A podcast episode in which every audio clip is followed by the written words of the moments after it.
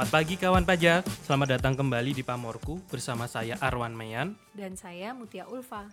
Disiarkan langsung dari lantai 16 kantor pusat Direktorat Jenderal Pajak dengan tetap menerapkan protokol kesehatan. Nah, apa kabar nih kawan pajak? Semoga senantiasa sehat selalu ya. Ya, walaupun beberapa aturan mengenai perjalanan domestik udah mulai dilonggarkan, tapi protokol kesehatan jangan sampai longgar ya. Yups, bener banget. Wah iya, kabar terbaru nih kalau kawan pajak udah vaksin COVID-19 secara lengkap minimal dua kali, udah boleh tuh melakukan perjalanan domestik tanpa perlu menunjukkan hasil swab test antigen atau PCR. Beberapa aturan mengenai karantina juga udah mulai diperpendek ya. Eh tapi Mas Arwan, kalau kalau aturan sudah dilonggarkan gini, 5M masih perlu nggak sih? Ya masih perlu dong Mutia. 5M ini kan kebiasaan baik dalam menerapkan pola hidup sehat. Apalagi pandemi ini masih berlangsung. Mungkin gejalanya pasien sudah mulai ringan, tapi pastinya lebih baik mencegah kan daripada mengobati. Yoi, setuju banget. Oke deh kalau gitu, kita mau ngajak semua kawan pajak untuk selalu menerapkan 5M. 5M. Pertama memakai masker,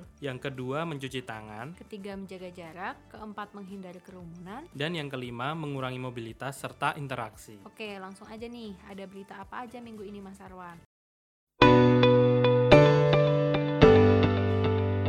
Nah, berita pertama yaitu kabar gembira buat para pengusaha konstruksi. Pemerintah menurunkan tarif pajak penghasilan atau PPh final atas usaha jasa konstruksi melalui peraturan pemerintah atau PP nomor 9 tahun 2022 yang mulai berlaku tanggal 21 Februari 2022. Direktur Penyuluhan Pelayanan dan Hubungan Masyarakat Bapak Nel Maldrinur mengatakan bahwa penyesuaian tarif ini dilakukan untuk meningkatkan iklim usaha konstruksi yang lebih kondusif. Wah, aku baru tahu nih. Jadi berapa berapa aja tuh tarif PPh final konstruksi menurut aturan terbaru ini? Nah, mengacu pada PP tersebut, jumlah tarif PPh jasa konstruksi bertambah nih dari 5 tarif menjadi 7 tarif. Artinya ada dua tambahan atas jasa konstruksi yang dikenakan tarif, yaitu yang pertama, pekerjaan konstruksi terintegrasi. Artinya, gabungan antara pekerjaan konstruksi dan konsultansi konstruksi yang dilakukan penyedia jasa yang memiliki sertifikat badan usaha dikenakan tarif 2,65%. Yang kedua, pekerjaan pekerjaan konstruksi terintegrasi yang dilakukan oleh penyedia jasa yang tidak memiliki sertifikat badan usaha dikenakan tarif 4%. Jadi sekarang ada tambahan jenis pekerjaan konstruksi terintegrasi ya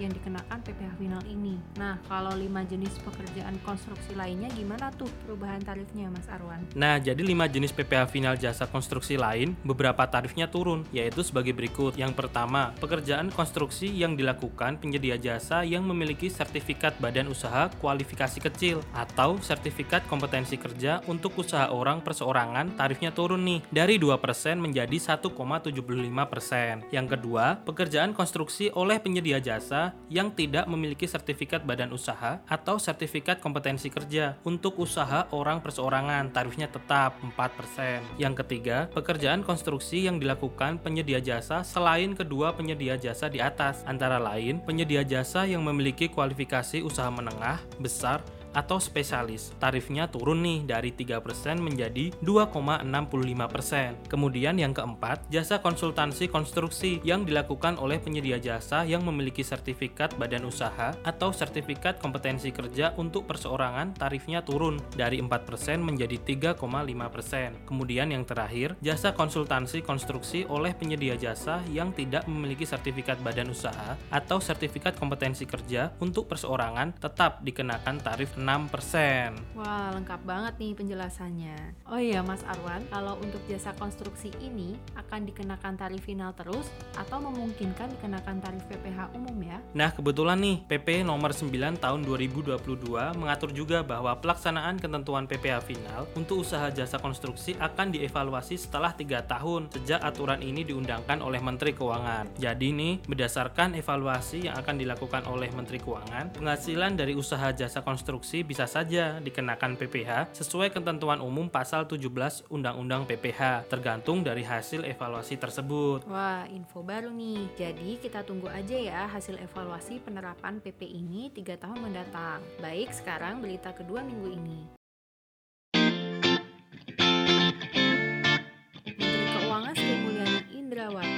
Menetapkan 332 kegiatan usaha sektor pengolahan sumber daya alam atau SDA serta sektor energi baru dan terbarukan atau EBT sebagai tujuan investasi dari program pengungkapan sukarela atau PPS. Hal tersebut diatur dalam keputusan Menteri Keuangan atau KMK nomor 52 garing KMK titik 010 garing 2022 tentang kegiatan usaha sektor pengolahan SDA dan sektor energi terbarukan sebagai tujuan investasi harta bersih dalam rangka pelaksanaan PPS. Aturan itu merupakan pelaksanaan pasal 16 ayat 4 PMK 196 tahun 2021 tentang tata cara pelaksanaan PPS. Nah, jadi dengan penetapan tersebut, wajib pajak peserta PPS dapat menempatkan investasinya di instrumen SBN atau secara langsung ke perusahaan yang bergerak di bidang sumber daya alam dan energi terbarukan. Sehingga peserta PPS ini dapat memperoleh tarif PPh yang terendah. Betul banget Mas Arwan.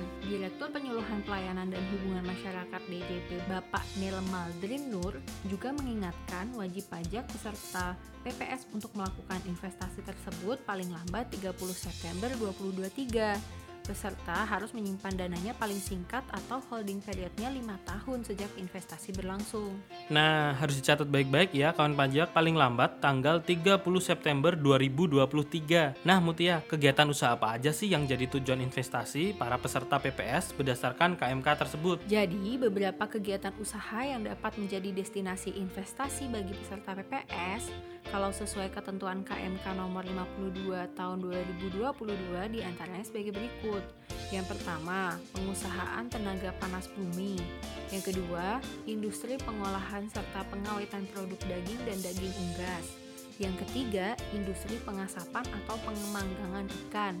Yang keempat, industri pengolahan rumput laut. Yang kelima, industri minyak mentah kelapa sawit atau CPO. Yang keenam, industri batu bata dari tanah liat atau keramik.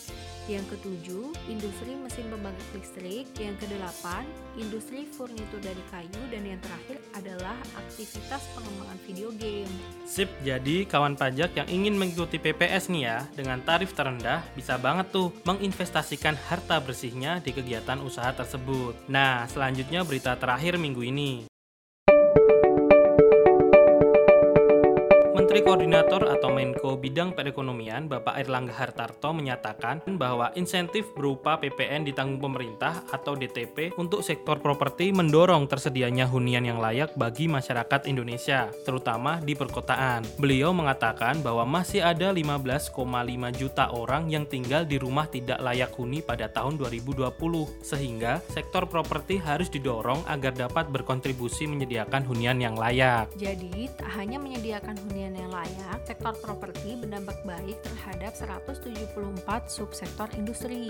Hal ini turut membuat sektor properti memiliki daya serap tenaga kerja langsung yang tinggi, bahkan mencapai 19 juta orang sehingga pemerintah memberikan insentif PPN DTP sektor properti dengan penyerahan masa pajak Januari sampai September 2022.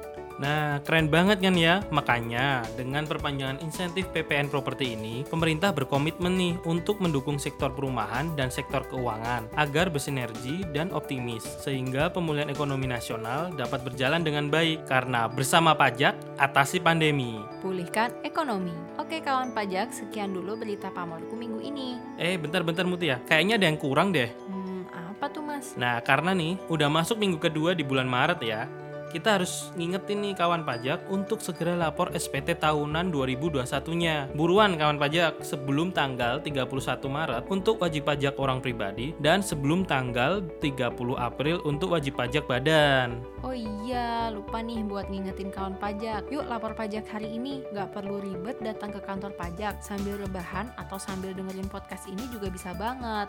Lapornya pakai e-filing aja. aja. Terima kasih banyak ya kawan pajak yang sudah menyimak menyimak dan mendengarkan Pamorku sampai akhir. Tetap update berita perpajakan setiap minggunya melalui Pamorku, podcast berita kesayangan kita semua. Sampai jumpa.